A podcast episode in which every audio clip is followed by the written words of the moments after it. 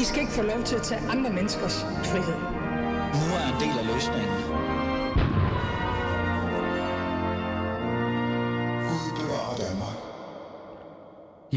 Gud bevarer Danmark, og øh, velkommen i studiet. Mit navn er som altid øh, Ali Amin Ali, og du lytter til øh, Alis Fæderland. I dag der skal vi øh, mm, faktisk på en eller anden måde sådan forholde os til noget, som jeg synes er ekstremt vigtigt i forhold til det her med at værne om sit fædreland. Fordi det her program, det handler jo netop om, at Danmark er mit fædreland, og jeg vil gerne værne om vores lille andedam. Og det vil jeg jo gøre ved at stille mig kritisk over for magthavere, debattører og almen borgere. Øhm, men den her øh, form for øh, problemstilling, kan man jo sige, er ikke en, der lige eksisterer lige nu på nuværende tidspunkt i vores andendam. Den kommer udefra, og det er jo immigrationspresset, som kommer mod EU, eller nærmest vil jeg kalde det, jeg sagde det sådan lidt øh, provokerende øh, for et par dage siden, øh, nærmest i EU. Fordi den er jo øh, direkte op af vores grænser. Og det jeg taler om, det er jo den pres, der kommer fra Hvide Rusland, Belarus, som står lige netop ved den polske grænse. Øhm, lad mig lige sådan bare lige hurtigt introducere mine, øh, mine gæster i dag, for det vil være øh, rigtig fint at have dem med. Øhm, hvorfor ikke gøre det? Mikkel Andersson, du er med. Er, du, øh, er det ikke rigtigt? Det håber jeg da. Det er godt. Jamen, vi hører dig klart og tydeligt. Øhm, du er jo øh, hvad kan vi sige, chefredaktør på den borgerlige øh, medie Kontrast, og så har du jo skrevet en bog, øh, som reelt set også forholder sig til øh, hele det her migrationsproblematik. Øh, øhm, det kommer vi lidt ind på senere, men øh, bare lige for at introducere dig, så vi ved, at du er med i dag. Og så har jeg også øh, Rasmus Stoklund med, Socialdemokratiets øh, udlændingoverfører. Rasmus, er du med? Ja, det er. Tak fordi du vil være med over telefon. Øh, du øh, sidder Okay. et sted, hvor du ikke rigtig kunne... Øh, altså, du vil gerne have været i studiet med mig, men øh, der, er no, der er noget... Øh, ja, du skal stemme eller en art. Er det ikke rigtigt, der gør, at du ikke lige Jo, det er rigtigt. Men, men alligevel, tak, rigtigt. men tak fordi du vil være med. Men øhm, før vi sådan reelt set kommer i gang med den her migrationssamtale, og hvordan øh, det reelt set står til, og hvad vi kan gøre ved det, så, øh, og jeg har også, er også en gæst yderligere, jeg gerne vil introducere bagefter, så synes jeg faktisk, det vil være rigtig godt at få en statusopdatering i forhold til, hvordan det ser ud lige nu på nuværende tidspunkt ved grænsen. Og øh, for at få det overblik, har jeg faktisk øh, taget kontakt til journalist Maria øh, Øjen, jeg håber, det er rigtigt, det jeg siger, som nu befinder sig i Polen tæt ved grænsen til Belarus. Øhm, Maria, er du med mig? Det er jeg. Fantastisk. Maria, øhm, hvor befinder du dig sådan lige, helt præcis lige nu? Jamen, i øh, den nærmeste by, der er, øh, inden øh, man kommer til øh, politiafspæring og, og grænse i, mod øh, Belarus, i den lille by, der hedder Sokolka, hvor der bor øh, 18.000 mennesker. Okay, og øh, hvordan er sådan situationen ved grænsen mellem Belarus og Polen sådan på nuværende tidspunkt lige nu? Øh, den er meget øh, anspændt, det vil jeg kalde det, øh, og har sådan set blevet mere og mere anspændt siden i mandags, hvor de her cirka 2.000 migranter, de øh, troppede op ved grænsen til Polen. Øh, og det handler både om, at øh, Polen jo har opgraderet øh, det antal af soldater, de har på deres side. Mm. De startede med 12.000, og nu er de oppe på 15.000 soldater. Øh, og, og de her migranter har forsøgt ved flere lejligheder at komme, komme over grænsen til Polen. Så, så situationen bliver selvfølgelig mere og mere anspændt, og, og der er meget koldt i det østlige Polen. Øh, og jeg tør slet ikke tænke på, hvor koldt det så er for migranter, der nu i fire dage har, har slået lejr ved, ved grænsen. Hmm. Hvis man skulle være sådan, øh, sådan lidt opsøgende i forhold til, hvad, hvad det er for nogle migranter, altså hvilke lande de kommer fra, sådan hovedsageligt eller noget. Har du sådan en fornemmelse af, af, af det? Ja, altså tidligere på året talte jeg jo med nogle af dem, og de kommer øh, typisk fra, øh, fra Irak, øh, fra Syrien, fra Yemen, øh, og nogle af dem kommer også øh, fra Kongo. Så det, det er typisk, altså, hvad kan man sige, de, de typiske migranter, som, som vi kender dem fra Danmark, altså dem, som vi normalt ser egentlig søger øh, syd om mod Europa, Mm. øh, det er de her mennesker, der nu søger, søger fra øst, fra, fra Belarus, og så ind, ind i, i Europa østfra. Okay. Øhm, du sagde, du havde talt med nogle af dem. Øh, hvad, hvad, hvad fortæller de dig egentlig? Øhm, jamen, de fortæller jo, øh, at, at de er, er flået fra Bagdad, var det på det tidspunkt. Nu er det nogle lidt andre byer, fordi Litauen har fået lagt noget pres på Irak. Øhm, så nu er det Damaskus øh, og Istanbul, og så nogle byer, de kommer fra. Øhm, og de flyver så til Minsk, hvor øh, ret mange jo lige i øjeblikket opholder sig. øh, og så bliver de sendt på den ene eller den anden måde af hviderussiske soldater til grænsen til Litauen eller Polen. Mm. Øhm, og det har de jo betalt rigtig mange penge for. Ja, det forlyder med, altså ja. Ja. hvis man kigger på øh, rygterne, det er jo måske noget, du kan øh, bekræfte, eller i hvert fald afkræfte, hvis det er helt galt, at det, man har betalt op til 2-3 øh, tusind øh, dollars for at kunne at rejse herhen. Øh, er, lyder, er lyder det rigtigt? Ja, altså øh, det kan være op til, øh, til, til 50.000, hvis ikke mere øh, danske Okay. kroner, de har betalt for turen, ja. Hvad med, nu sagde du det her med, hvad, hvad hedder det, Hvide Rusland eller Belarus gør ved det. Du, du nærmest sagde faktisk, og i hvert fald, det er i hvert fald min antagelse, at, at de samler dem, og så presser de dem hen mod den polske grænse, altså fragter dem derhen. Øh, hvordan reagerer Polen på det, altså de, de polske grænsevagter lige nu? Øh, Ja, men som jeg sagde til starten med, så har de jo de har steppet op på, hvor mange, øh, hvor mange betjente og hvor mange soldater, der, der står på grænsen, og de står jo et meget stort stykke af den. Øhm, og Polen har jo erklæret undtagelsestilstand øh, ved hele grænsen, og det vil sige, at øh, hverken NGO'er eller journalister for den sags skyld kan komme ret tæt på og se, hvad der egentlig foregår. Mm. Øhm, og hvorfor Polen har gjort det, det skal jeg ikke, det, det kan I spekulere i senere, men, øh, men, men det er i hvert fald det, der er situationen. Mm. Øhm, altså, tror du, eller ved du, om øh, folk kommer over grænsen?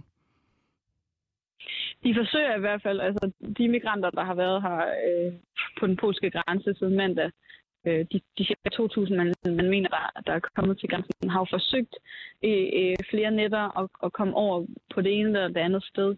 Øh, men det forlyder også, at det polske grænsepoliti fanger dem igen og sender dem tilbage til Hviderusland, fordi det er jo en illegal metode, de, øh, de forsøger sig Mm. med.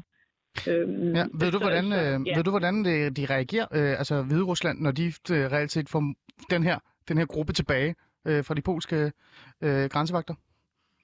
Det er svært at sige, altså fordi at, at det vi ved fra, fra, fra både fra Pols side og fra Hviderussisk side, og det vi får ind fra øh, det polske forsvarsministerium, det polske øh, politi, og så Mm. det, som migranterne på en eller anden måde selv ligger ud fra, fra Hviderussisk side. Øhm, og, og det er svært at sige, men, men stemningen virker i hvert fald anspændt, og der har været af- affyret varselsskud, og, og man ved, at de her øh, hviderussiske soldater ligesom, ligesom går bag ved migranterne på den anden side øh, hele tiden. Så, så de befinder sig i en eller anden form for grænseland lige nu. Okay.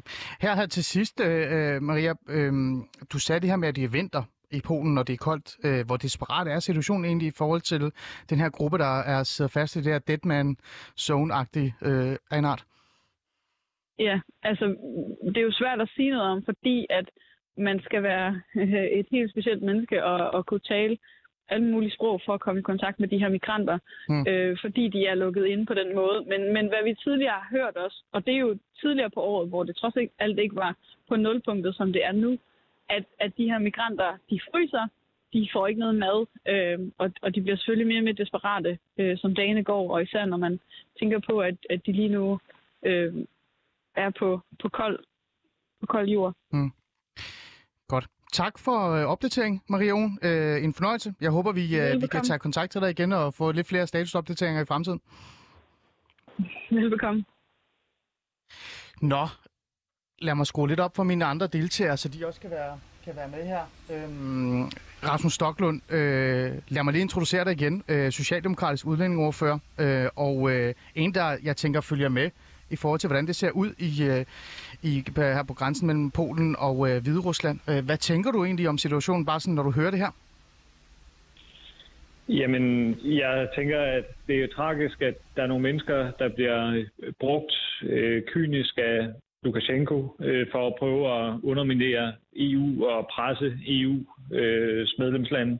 Mm. Og øh, at det, det er jo, de bliver brugt fuldstændig kynisk og brutalt i, et, i, øh, i hans ja, forsøg på at presse og, og genere øh, demokratierne i, i Europa. Og det er jo beskæmmende at være vidne til, og det er jo dybt tragisk, hvad, altså de beretninger, man jo har hørt igennem nu noget tid, fra øh, hvordan folk de sidder øh, fanget der i et ingemandsland, og at der også er helt små børn, der kommer i klemme i det her sammen med deres familier, det er jo, det er jo menneskeligt øh, utroligt trist.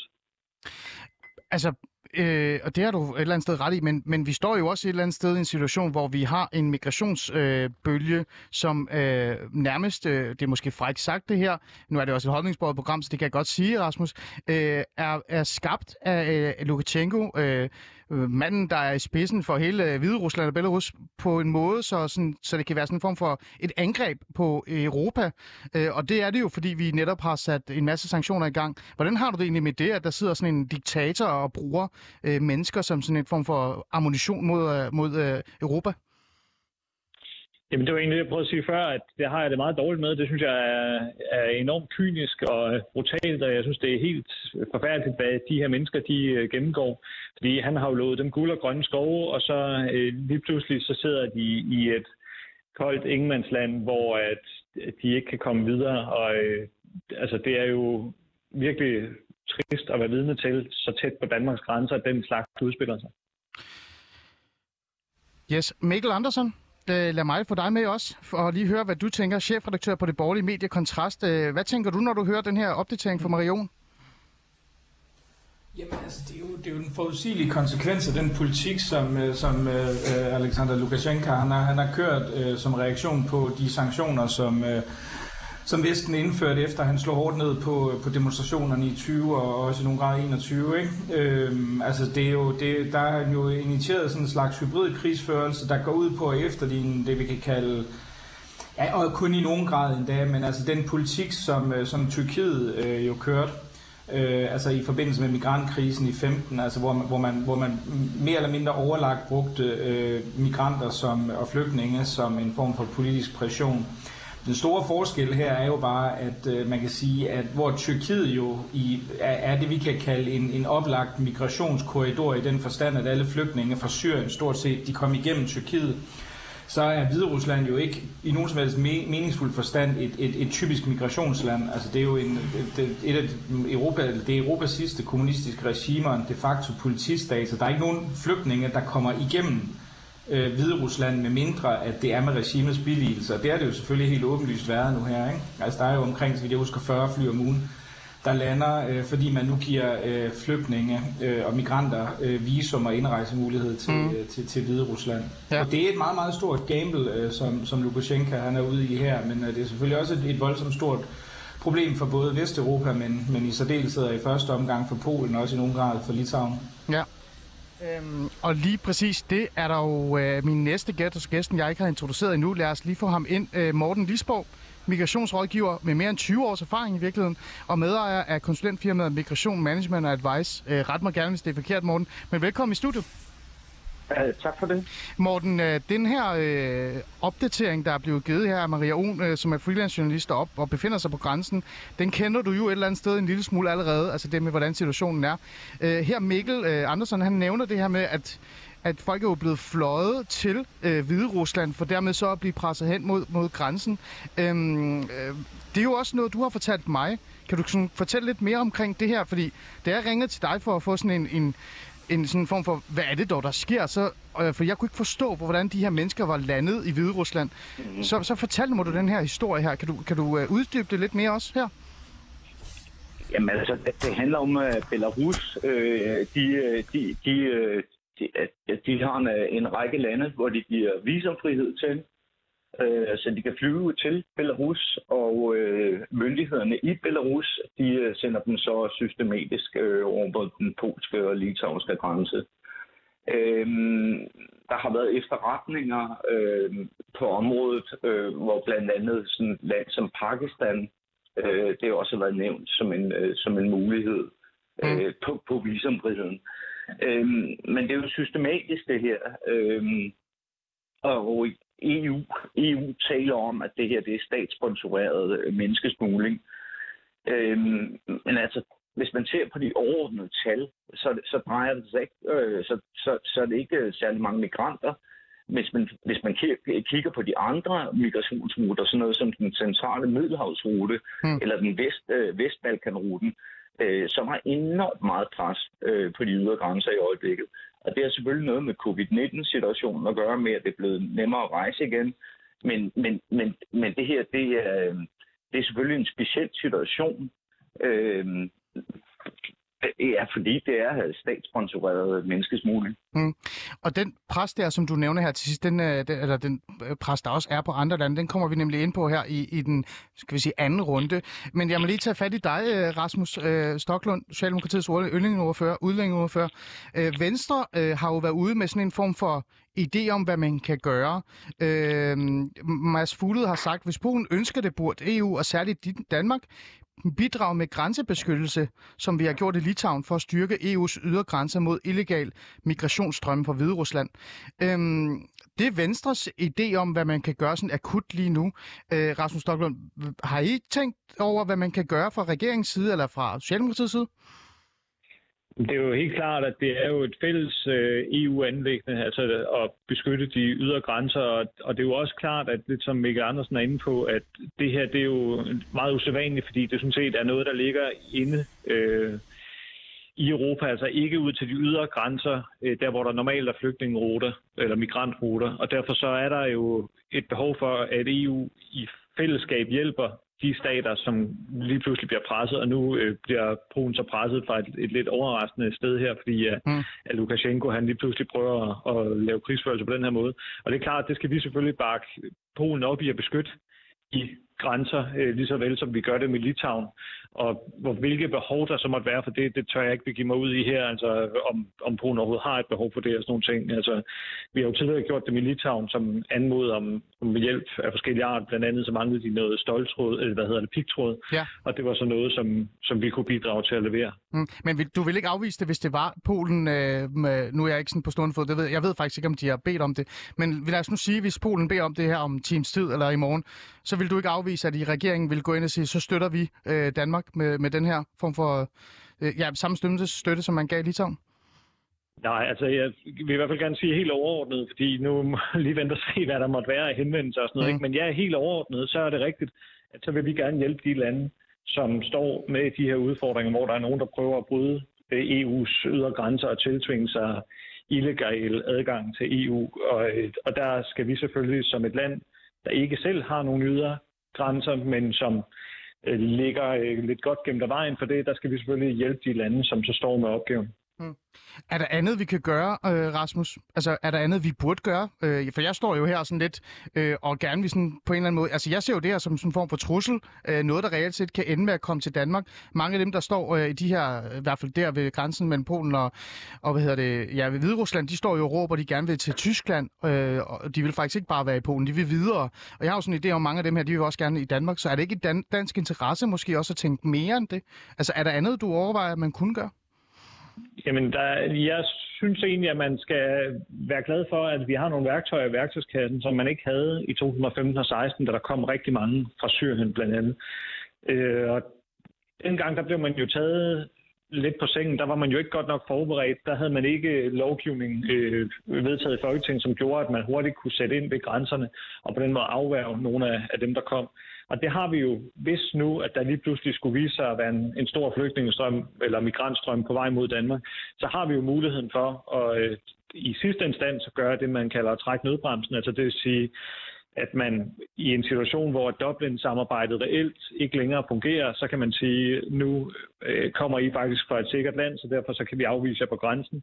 Det er den sidste mulighed, og inden da, der har man forskellige andre muligheder. Blandt andet så har man mulighed for at indføre transportøransvar, sådan at det altså er de bus- og færgeselskaber osv., som transporterer folk til Danmark, som har ansvaret for, at folk, der kommer, de har et lovligt opholdsgrundlag. Mm. Og derudover så har vi jo så også strammet lovgivningen på en række områder i et forsøg på at signalere over for folk, at øh, det er altså ikke guld og grønne skove at komme til Danmark og søge asyl. For det første, hvis man endelig skulle gå hen og være asylberettiget, mm. så er det et midlertidigt ophold, man får, og man vil blive sendt hjem, så snart det er muligt derefter. Ja, ja. Og for det andet, så er der altså rigtig mange, mm. der bliver afvist, fordi de skal have et reelt asylgrundlag. Mm. Man er ikke, man er ikke berettiget mm. til at, at slå sig ned den, i Danmark, fordi man kommer fra et ja. land, det ikke er så sjovt at leve i. Ja, og den kender vi jo godt, øh, Rasmus, og, og den kommer vi også lidt ind på, for jeg har sådan øh, et par ting i forhold til det også her senere i programmet. Men øh, der er noget, som øh, Morten Lisborg for eksempel også øh, nævner her, eller som også jeg har talt med ham om før i tiden også omkring det her problematik. Øh, de her rejser, altså de her øh, flyrejser, der kommer fra,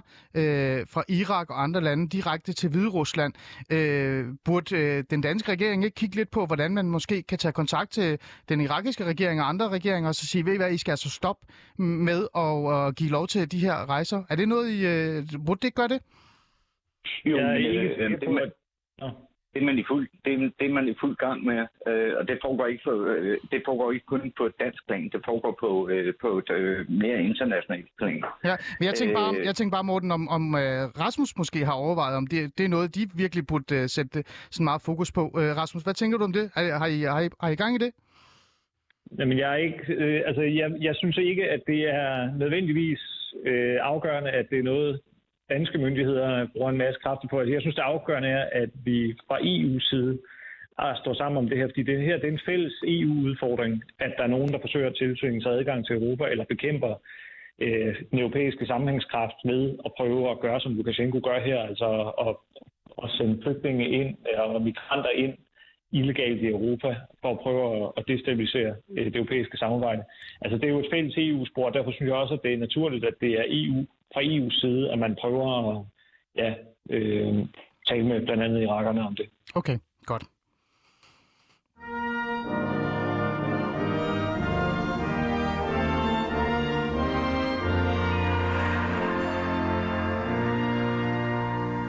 Du lytter øh, stadig til Alis Fæderland. Mit navn er Ali Amin Ali, og øh, jeg har faktisk nogle rigtig fine gæster i øh, programmet i dag. Rasmus Stocklund, udlænding og integrationsordfører for Socialdemokratiet. Så har jeg Mikkel Andersen, chefredaktør på det borgerlige medie Kontrast. Og Morten Lisborg, som har ty- over 20 års erfaring med migrationsrådgivning øh, i studiet. Og øh, Morten, lad mig lige tage fat i dig i, i det her andet segment. Øh, det handler om sådan det her med, nu har vi talt om, at, at vi står i en situation, hvor vi har den her, øh, det her problem ved grænsen mellem Polen og, og øh, Hviderusland, øh, og Hviderusland står og presser folk ind. Øh, og det er den der migrationsdiskussion, vi altid har, hele den der asyldiskussion. Øh, jeg går jo altid rundt og sådan tænker, øh, det her, det må bunde i noget andet, end bare, at folk gerne vil til Vesten. Der må være noget, noget der sådan reelt set motiverer dem til at komme, og noget, der giver dem håb. Øhm, øh, Morten Lisborg, øh, du har nævnt noget om hele det her incitament, der er, at man reelt set, altså hvis man kan komme til Europa, så har man større mulighed for at blive. Øhm, jeg har sådan en idé om, at hvis man begynder at have et opgør med det her incitament-princip, så vil Lukashenko og andre ikke øh, kunne bruge det her imod os. Hvad tænker du om det, Morten? Jo, men jeg, øh, altså, jeg er jo ikke den eneste, der taler om incitamentstruktur. Der har Mikkel, øh, Mikkel øh, også gjort det. Øh, og det er jo fuldstændig er korrekt, at, at det man ser, som jeg vurderer det, det er en, øh, det er en generel øh, reformering af det nuværende asylsystem. Altså, du kan ikke, øh, du kan ikke opretholde grænser, hvis kodeordet for at komme ind, det er at sige asyl.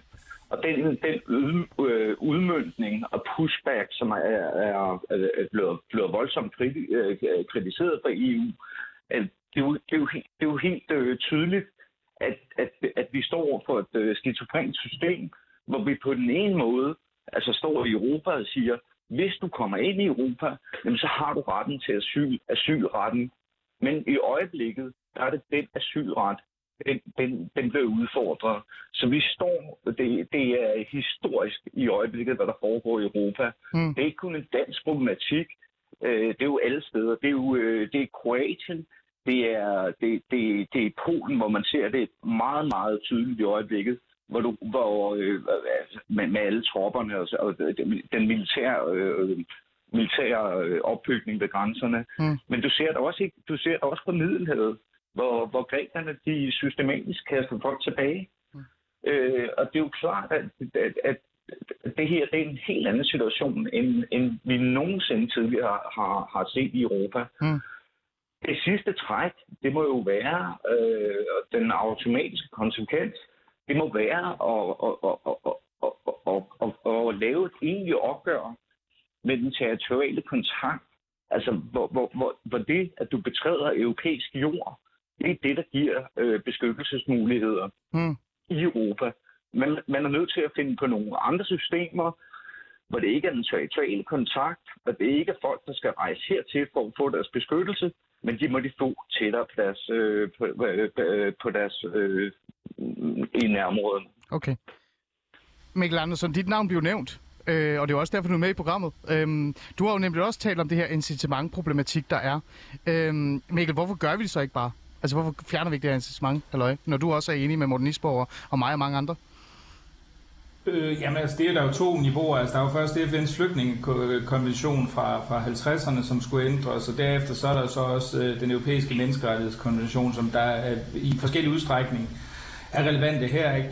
Øh, og det kan du ikke få øh, enighed om at ændre, og europæerne, særligt tyskerne, har sådan en slags historisk betinget redsel for at tage et, øh, et, et reelt opgør med det her, fordi så er de bange for at, at blive beskyldt for at være racister igen. Hmm. Øh, men altså, som, som, som, som, som Lisborg så fint ud, hvad det hedder, redegør for, jamen så er problemet jo den her incitamentstruktur, hvor du dybest set siger til de, de folk fra der sidder i, i, øh, i typisk i nærområderne, at, øh, at hvis, hvis, du, øh, hvis du tager den her ekstremt risikable rejse på mange tusind kilometer, jamen, så kan du være heldig at vinde det store asyllotteri, hvis du formår at sætte foden på europæisk jord.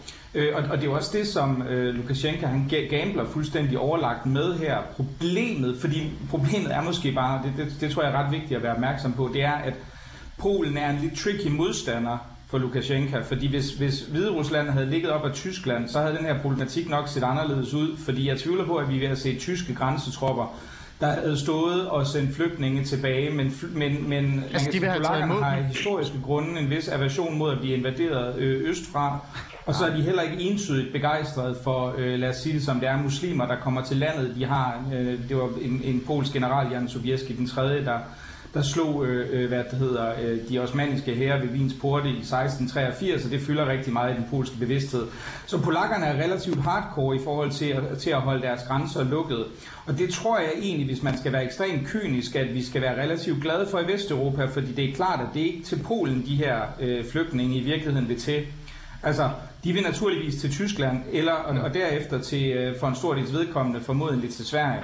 Altså hvis, hvis bare polakkerne vendte det blinde øje til, lod de her mennesker passere igennem Polen, jamen så vil der være, sandsynligvis være relativt få, som vil bosætte sig, eller blive eller søge asyl i Polen. De er ikke, man er ikke specielt øh, fra de her migrantstrømme. Der er ikke særlig mange, der er interesseret i at, og, hvad kan man sige, at søge asyl i Polen, hmm. øh, eller Østeuropa generelt. Mm. Øh, men altså, det, det, det er jo en kalkuleret gamble fra, fra, fra Lukashenkas side der, men det man skal være opmærksom på, og det synes jeg også er ret vigtigt, det er, at det er et meget, meget stort gamble, fordi hvis, hvis, hvis det viser sig, at han ikke kan få de her folk ind i Vesteuropa, som jo selvfølgelig har været, altså hans idé er jo, at, at han vil blive ved med at sende flygtninge ind i Vesteuropa, så skal han på et eller andet tidspunkt forhandle med Vesteuropa, der så enten skal give en masse penge eller løfte nogle sanktioner.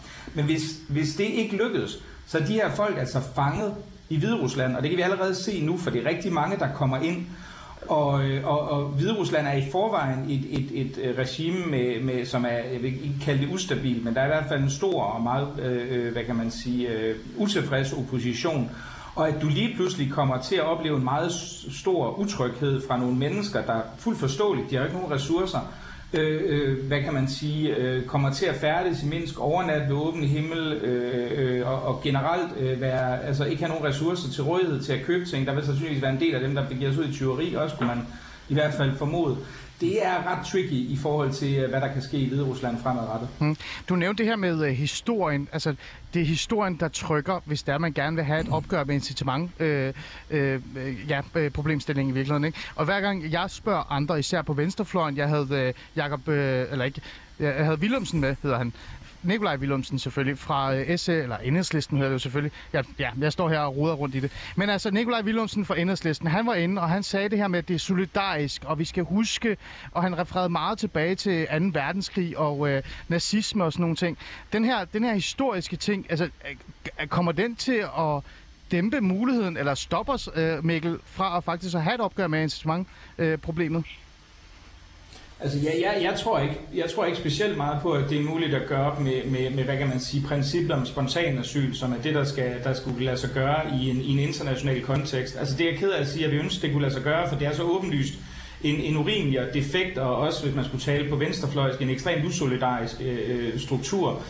Fordi du, du dybest set belønner de relativt, med at trykke på relativt, mest ressourcestærke øh, flygtninge, øh, sådan relativt øh, generøst, hvis de faktisk formår at, at, at gennemføre de her risikable rejser, og så få asyl men, i Vesteuropa. Men Mikkel... langt hovedparten, som er både ja. ressourcemæssigt og fysisk svære i nærområdene, ja. de øh, står tilbage uden noget som helst. Men, men, men jeg tror ikke, altså, jeg, jeg, jeg tror ikke der, der er politisk vilje til det endnu. Måske om to migrantkriser, og vi har to, haft to gange 2015 situationer før, så kan det være, at tyskerne øh, øh, ligesom øh, rejser sig over deres, deres øh, forståelige historiske traumer mm. og mm. vælger at tilslutte så det her, men, øh, men det tror jeg ikke er, er noget, der er, på, øh, der, der er inden for horisonten lige nu. Altså der, der, vil, der tror jeg i stedet for, at man vil komme til at se den her permanente opskalering af bevogtningen ved de ydre grænser, hvor man sådan set bare gør indsatsen i det her asyllotteri højere, så, så, så flere mennesker vil risikere, at sætte livet på spil, eller flere mennesker vil i hvert fald risikere at omkomme i Middelhavet, fordi de pushback-operationer, som, som Morten han også nævner,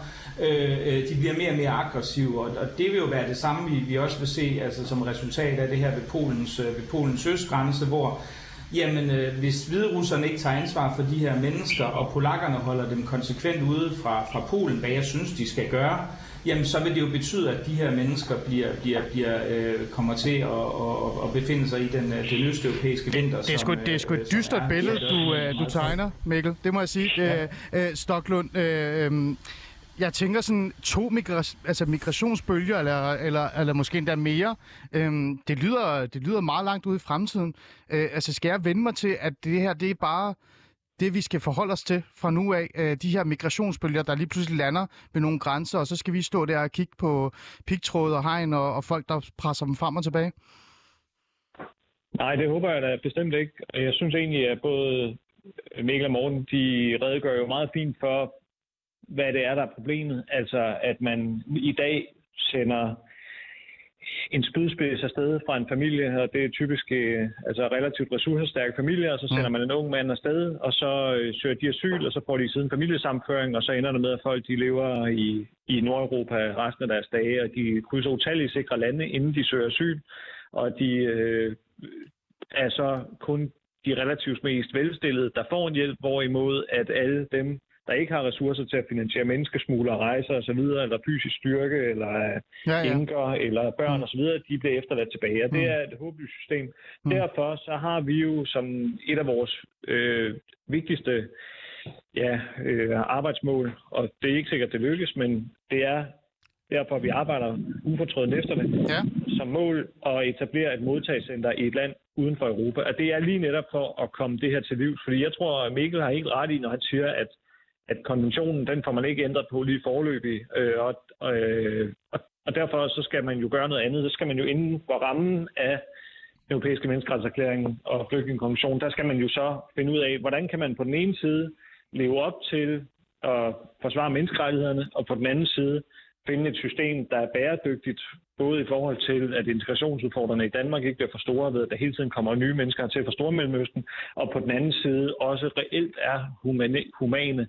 Fordi i dag, der er det jo en, loven humanisme, der gør, at man hjælper et ganske lille antal af verdens mest ressourcestærke, og det er kun dem, man ser store Facebook-kampagner for, for forskellige rektorer i Danmark, og hvad ved jeg, ja. mens at alle verdens virkelig dårligt stillede, de så kan sejle deres egen sø. Og mm. hvis nu vi kunne etablere sådan et modtagscenter, så vil det jo være sådan, at alle, der søger asyl, kommer til Danmark, søger asyl ved Kastrup Lufthavn, de vil så ret hurtigt, efter et hurtigt tjek i Sandholm, så vil de blive sat på et nyt fly, og så fløjet ud af Europa igen, og så vil de få et ophold der, hvis de rent faktisk har behov for beskyttelse. Mm. Og det vil jo betyde, at incitamentet til at søge asyl i Danmark for at leve her til sin dages ende, selvom man enten ikke har behovet, og selvom man måske har behovet, men egentlig godt kunne vende hjem senere, det vil så blive slået i stykker, og vi håber, at folk de så vil holde op med at komme her og søge asyl. Ja. Til gengæld kan vi så bruge nogle penge ud i verden for at hjælpe alle de mennesker, der er i nød.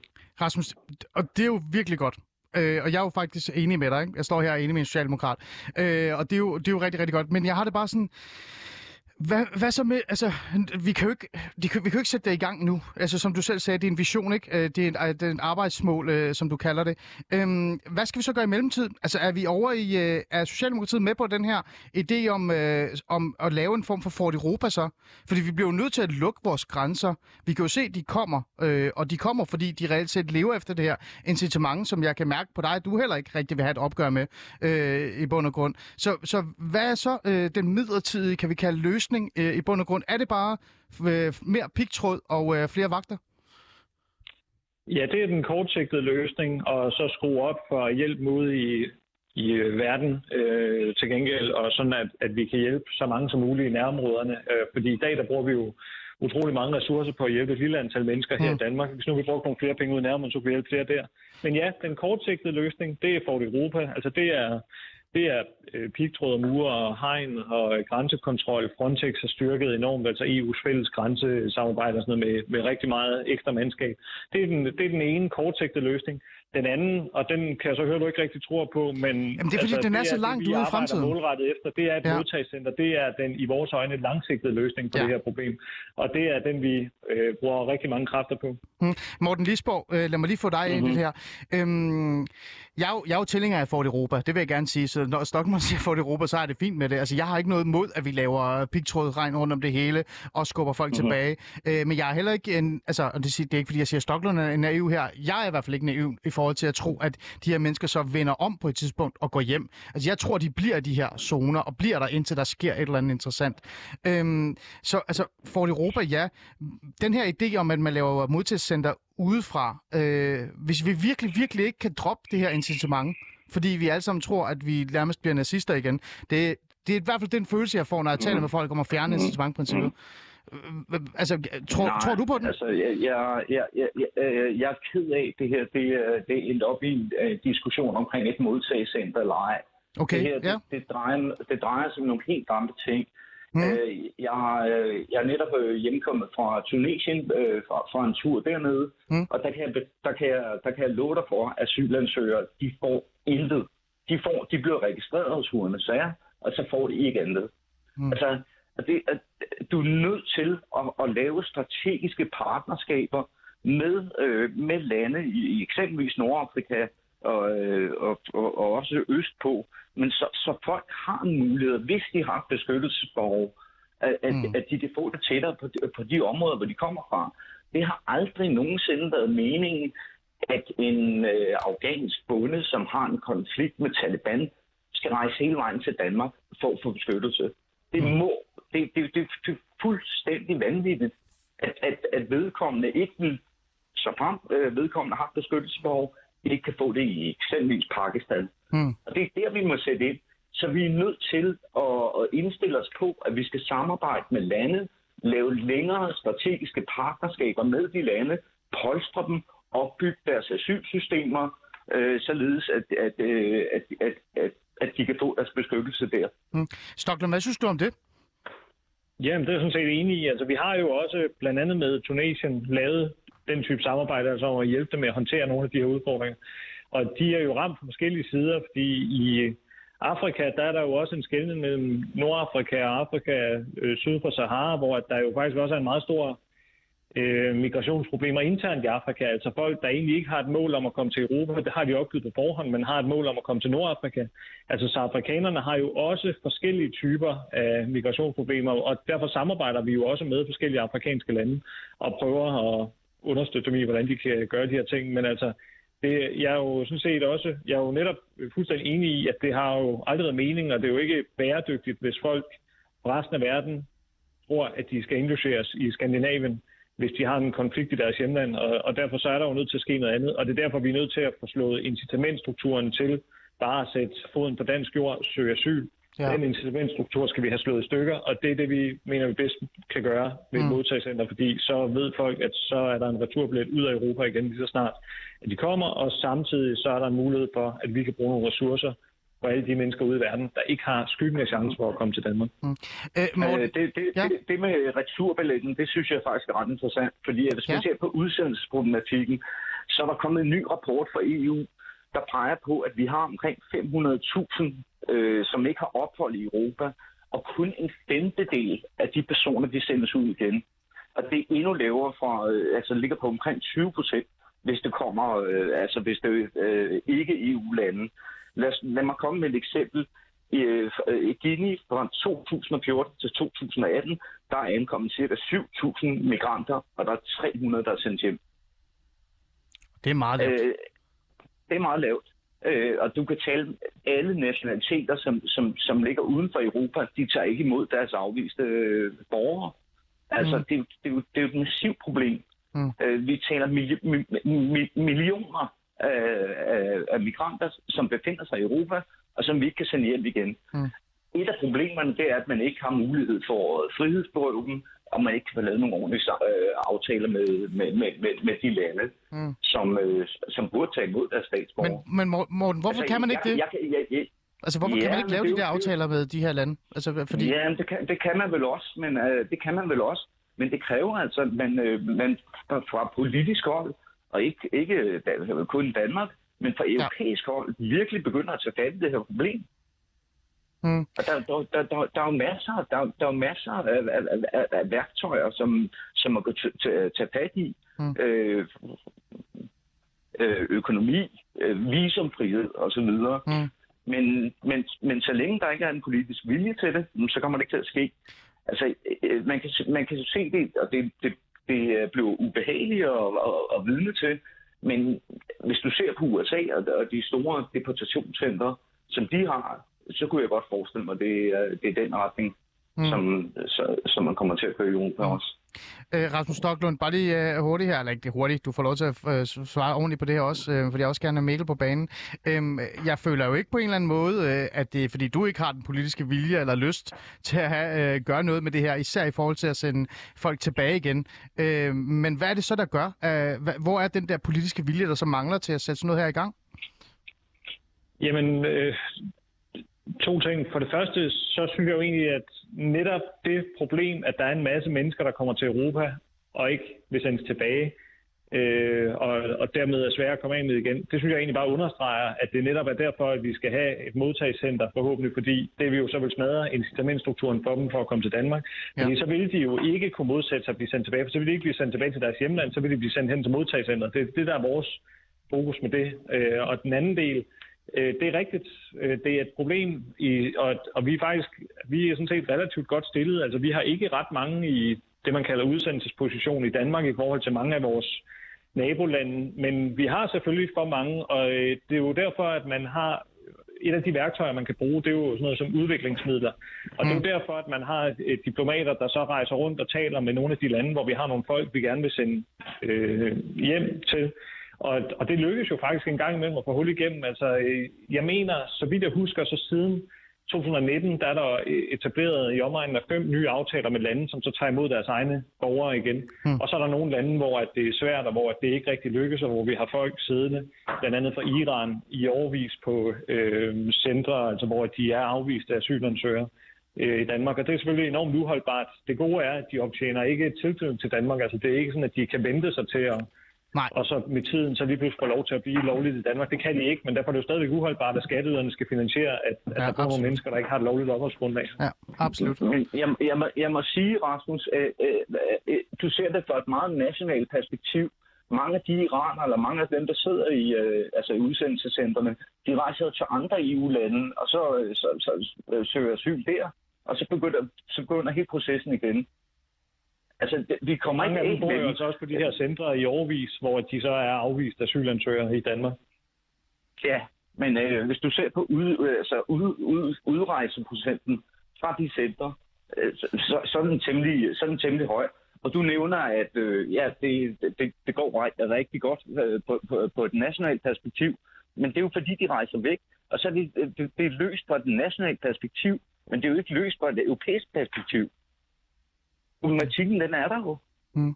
Jeg har faktisk et, et, et, et forslag, og det er måske øh, problemfyldt, og derfor så, så tager jeg Mikkel Andersen med ind i, øh, i det her øh, samtale, for jeg tænker, når det er problemfyldt ting, øh, så tænker jeg, at Mikkel også øh, måske kan være med til at støtte det. Mikkel Andersen, du har jo skrevet en bog, omkring hele det her problematik. Altså hele det der migrationsbølge, der kan ramme os, eller har ramt os. Du har også skrevet om integrationsproblemer, det gør du jo tit. Og jeg vil jo være så fræk at sige mig, at vi er temmelig enige i forhold til, øh, hvor den linje skal ligge. Øhm, jeg har sådan tænkt over, øh, hvem er det, jeg virkelig sådan går allermest op i? Altså, hvad er det, jeg virkelig mest vil værne om? Og det er jo faktisk Danmark. Det er mit fædreland. Og det er mærkeligt at sige det, når man er fe- øh, altså kom til Danmark som femårig fra Iran. Men, men, men jeg er blevet dansk, og jeg vil gerne øh, altså, pas på Danmark. Jeg vil ikke have, at der skal ramme, altså de her migrationsbølger skal ramme Danmark.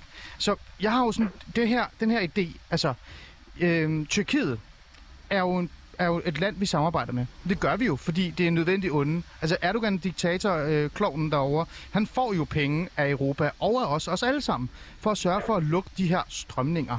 Så hvorfor ikke, for at værne om, om Vesten, værne om Danmark også, hvorfor ikke øh, tage sådan en idé om, at så begynder vi at støtte de her lande rundt omkring, øh, og også Hvide Rusland, på samme måde, som vi gør Tyrkiet. For jeg kan ikke se den store forskel mellem Tyrkiet og, og Hvide Rusland. Jeg synes, de er altså, kugle skøre på samme niveau.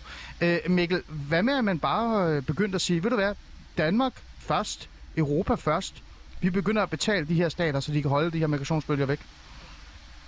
Øh, jamen altså, man kan sige, det vil da også være en mulighed at gøre. Øh, problemet er, at det vil sandsynligvis blive temmelig dyrt, altså fordi det er jo egentlig det, som, altså det er jo, at altså, Lukashenko har jo valgt at, øh, at bruge øh, migranter som et pressionsmiddel for at opnå det, han gerne vil have. Øh, og det har han jo helt sikkert gjort som, øh, som en konsekvens af, at Merkel i praksis var det jo øh, belønnet tyrkerne for at, at, at gøre det, som de burde have, have gjort i forvejen, og kontrollere deres, øh, der, deres udrejse af, af migranter over, over Ægæerhavet tilbage i 15 og 14. Ikke? Mm. Øhm, men hvis, vi, hvis, hvis det viser sig, at vi giver særligt sådan nogle regimer som det hvide russiske, vi giver dem, hvad de gerne vil have, jamen, så kan vi jo, har vi også sagt til alle nordafrikanske lande og alle mulige andre, andre, at vi, jamen, der er en nem måde at få alt muligt ud af Europa, penge, politiske indrømmelser, alt muligt andet. Og det er bare at starte med at sende en frygtelig masse migranter i, uh, i vores retning. Men, men, øh, og men, på længere sigt vil det sandsynligvis være temmelig uheldigt. Jo, men gør vi ikke det i Tyrkiet allerede? Og jeg har det sådan lidt, altså hvad jo, jo, jo, jo, jo, jo men, jeg, men, jeg, men jeg, har heller ikke, altså, jeg har heller ikke støttet den. Altså hvis du, øh, i den bog, du nævner, eksperimentet, der slog fejl, der kritiserer øh, jeg selv, Anders Jespersen, ret voldsomt den aftale, der blev indgået med øh, Tyrkiet, og vi siger lige præcis, at den konsekvens, det kan være, at alle mulige andre får gode idéer om at gøre det samme, fordi det virker jo tydeligvis. Det virker jo tydeligvis at sende migranter til Europa, så kan du få alle mulige dejlige penge og politiske indrømmelser. Også selvom du er et, et stadig mere øh, islamistisk og, og, og autoritært regime. Ikke? Jo, øhm, men, men... Så, så, så, så, så, vi har jo vist folk, altså, vi har, altså det er jo Tyrkiet, der har vist øh, Lukashenko, hvad det er, der virker. Så, så, så og det bliver vi jo nødt til at stoppe. Det skulle vi jo have gjort allerede ved at undlade at give de her indrømmelser til Tyrkiet i, ja. i 2015. Ikke dermed sagt, at man ikke kunne have hjulpet Tyrkiet med de flygtningeudfordringer, som der var i forhold til særligt syriske flygtninge. Det burde man have gjort uanset, for der er rigtig mange flygtninge fra Syrien i, øh, i Tyrkiet, og der er store problemer med, med det i egen ret, men det kan ikke nytte noget, at Europa ligesom, øh, hvad kan man sige, lader sig øh, afpresse til ved hjælp af de her flygtningestrømme til at, at, at, at, at give nogle bestemte indrømmelser, fordi så stopper det ganske enkelt aldrig. Men du er stadig glad for, at Tyrkiet har lukket grænsen, ikke? På en måde. Jeg, jeg er i hvert fald temmelig glad for, at men jeg, mener, da, men jeg mener, at det, der skulle være sket, det var, at det var, at det var grækerne, der havde sørget for at patruljere deres ydergrænser effektivt, og simpelthen havde lavet de her pushback-aktioner bedre. For det er mm. klart, at hvis, hvis, hvis, hvis det viser sig, at du, du ret konsekvent øh, ikke kan komme øh, til Grækenland, og i givet fald ellers, og det mener jeg også ville have været relevant, så måtte man jo have sagt til Grækenland, hvis de ikke havde villigt til det. Til det, fordi de, de havde jo også en, en kalkyl, der sagde, at jamen, de rejser alligevel alle sammen igennem Grækenland og videre til Nordvesteuropa. Jamen så må du have sagt, jamen prøv at så sætter vi grænsen, så siger vi stop ved, den, ved, ved Grækenlands ydergrænse, og så må det jo så være der, vi, øh, vi, vi, øh, vi, vi, vi, Nej, vi stopper migrationsflåde. Øhm, altså, så, så, så på den måde mener jeg, nej, selvfølgelig skulle vi ikke have givet de, øh, de enorme indrømmelser til Erdogan, som vi gjorde, fordi det var fuldt ud i, inden for hans magt at sætte en stopper for den flygtningestrøm øh, øh, tilbage i 2015, ja. og det kan vi jo se, at han gjorde så snart ja. han fik penge, Morten, eller i hvert fald lovning om penge. Ja. Morten, du, eller, du, du vil gerne have ordet. Ja, det vil jeg gerne. Øh, ja, hvis man ser, ser på de overordnede indrejsetal, så det ene, den eneste rute, hvor der rent faktisk er faldt fra, fra, fra i år til øh, sidste år, det, det er fra øh, Tyrkiet til Grækenland. Han overholder sine aftaler, og som jeg nævnte tidligere, så er det helt nødvendigt at lave de her strategiske partnerskaber, mm. langsigtede strategiske øh, øh, øh, øh, aftaler med lande, som vi ikke nødvendigvis deler værdier med. Vi er fuld gang med at arbejde, samarbejde med, med Libyen, vi, vi, vi samarbejder med, øh, med, med, med Tyrkiet, og det tror jeg godt, vi kan, vi kan indstille os på. Det er fuldstændig nødvendigt at have en, en, øh, en række lande i hele Nordafrika, hvor, hvor, hvor, altså, hvor vi har en kæmpe interesse i at få stoppet migrationen, og mm. det gør vi ikke ved, ved, ved, ved pigtråd og mure. Her, det gør vi ved strategiske partnerskaber med andre lande. Vil du lave et strategisk partnerskab med, med Hvide Rusland, Morten? Nej, det vil jeg ikke gøre. Det vil jeg ikke gøre. Jeg vil sige, at Hvide Rusland, det er... Nej, det der er en grænse der. Det er et eksempel. Nej. Ja, det er der. Ja, Men- ja. Det, er no, det, er nogle, det er nogle andre ting, det handler om. Men i Ja. øvrigt, så tror jeg, man skal tale med, med Rusland omkring situationen med, med Hvide Rusland. Men Ja, ja det, det er en helt anden øh, vinkel, man starter op der. Øhm, Stoklund, øhm, jeg ved godt, at min, min idé er sådan lidt øh, øh, langt ude, øh, men det er jo fordi, jeg i bund og grund ikke har lyst til at se de samme øh, øh, billeder, som du så, hvor folk gik på motorvejene. Og, og jeg er jo virkelig, virkelig bekymret for det her, ja, der er en migrationsbølge lige nu. Den er over ved Hvide Rusland, der er også andre, der kommer. Men der kommer jo også hele den der klima øh, migrationsbølge, og det, og det stopper jo ikke det her. Kan du forstå min bekymring, og, og, og hvorfor jeg tænker så drastiske midler i, i forhold til reelt set at sætte en stopper for det her? Altså nu tænker du i forhold til den del med at give... Jeg har givet penge til, jeg har givet penge til, fordi vi gør det jo med tysk. Altså, altså, Tyrkiet giver vi jo penge til, og der er også andre øh, fejlagtige stater, vi giver penge til. Vi samarbejder også med Saudi-Arabien. Vi er på vej til Katar for at øh, spille VM. Øh, så altså, hvorfor ikke? Jamen, jeg synes ikke, at din parallel mellem Hvide Rusland og Tyrkiet hænger helt sammen her. Altså, fordi Tyrkiet havde trods alt, eller har trods alt en grænse op til Syrien, Hmm. og millioner af mennesker strømmede ind i Tyrkiet.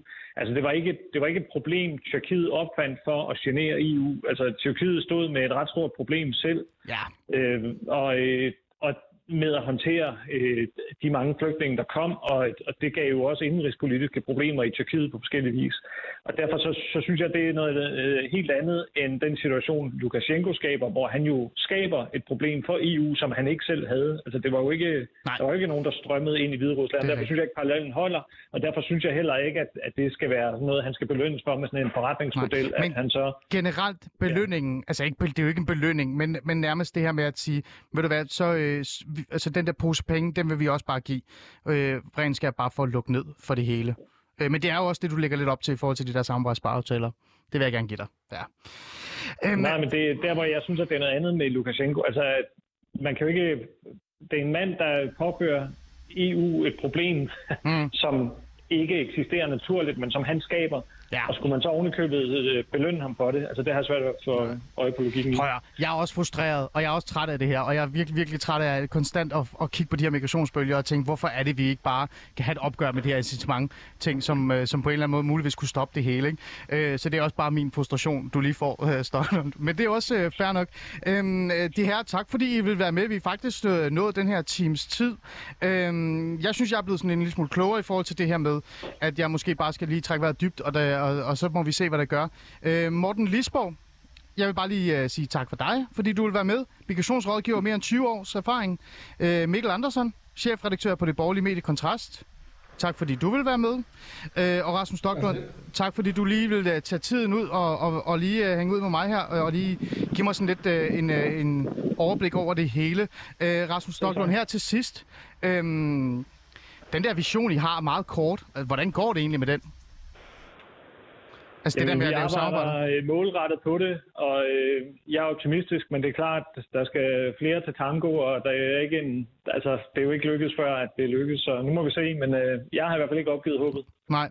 Ved du hvad, og det håb, det vil jeg gerne, øh, det vil jeg gerne ride med på, øh, Rasmus. Og så håber jeg, at vi kan tale om det en dag, hvor du sådan rigtig skriver til mig og siger, nu lykkes det. Øh, det vil være en rigtig god dag. det tænker jeg. Ja. Øh, og så med de ord, så vil jeg bare sige uh, tak til jer lytter. Uh, tak fordi I uh, lyttede med.